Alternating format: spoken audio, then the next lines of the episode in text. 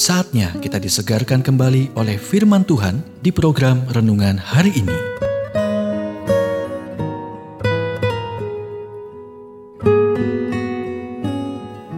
Renungan hari ini berjudul Waspadalah terhadap sikap eksklusif bagian pertama. Nats firman Tuhan dari Roma 12 ayat 3. Janganlah kamu memikirkan hal-hal yang lebih tinggi daripada yang patut kamu pikirkan. Paulus menulis berdasarkan kasih karunia yang dianugerahkan kepadaku, janganlah kamu memikirkan hal-hal yang lebih tinggi daripada yang patut kamu pikirkan, tetapi hendaklah kamu berpikir begitu rupa, sehingga kamu menguasai diri menurut ukuran iman. Sebab, sama seperti pada satu tubuh, kita mempunyai banyak anggota demikianlah juga kita, walaupun banyak, adalah satu tubuh di dalam Kristus. Demikianlah kita mempunyai karunia yang berlain-lainan menurut kasih karunia yang dianugerahkan kepada kita. Jika karunia itu adalah untuk bernubuat, baiklah kita melakukannya sesuai dengan iman kita.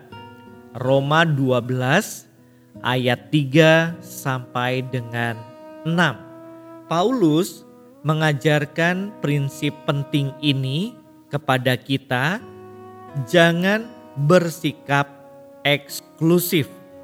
Jika Anda seorang yang terpandang, anda harus berurusan dengan kebenaran bahwa setiap berkat yang Anda nikmati adalah anugerah dari Tuhan.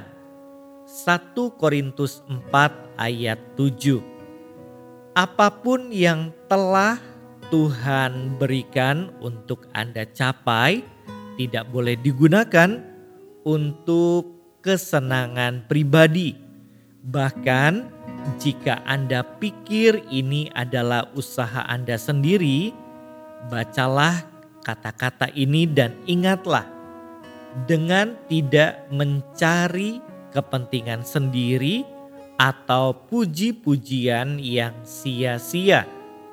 Sebaliknya, hendaklah dengan rendah hati yang seorang menganggap yang lain lebih utama daripada dirinya sendiri.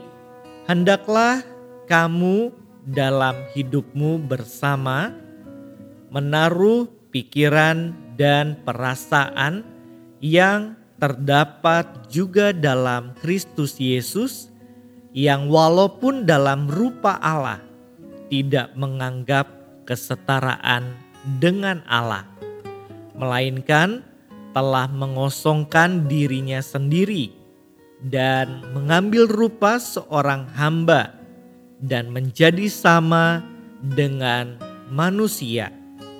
Dan dalam keadaan sebagai manusia, ia telah merendahkan dirinya dan taat sampai mati di kayu salib.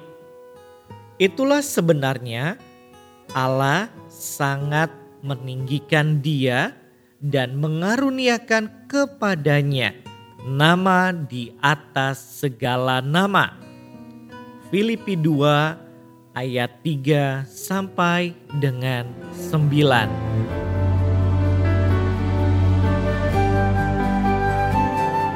Kita telah mendengarkan renungan hari ini. Kiranya renungan hari ini terus mengarahkan kita mendekat kepada Sang Juru Selamat serta menjadikan kita bertumbuh dan berakar di dalam Kristus.